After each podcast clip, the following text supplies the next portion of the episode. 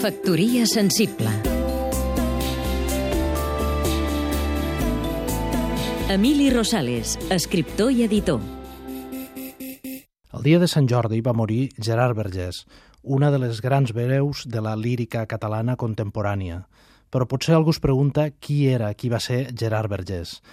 Per contestar, qui millor que ell mateix, a través d'un poema del seu llibre L'ombra rogenca de la lloba, en un retrat mitificat.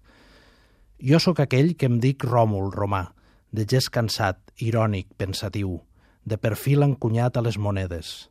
M'agraden Mahler, Mozart, sobretot, i el silenci dels astres. Tinc mil anys. No us contaré la coneguda història ni us descriuré el paisatge on he viscut.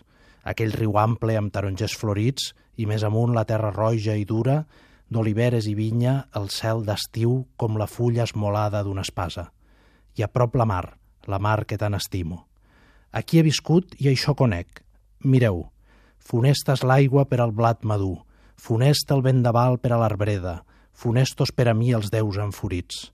Dolç, en canvi, és l'arbost per a l'ovella, dolça per als sembrats la lenta pluja i dolça per a mi ta companyia. Et vaig conèixer encara adolescent, d'ulls com oscures roses, com jardins negres en la penombra, i vaig pensar que el negre era el color de la bellesa.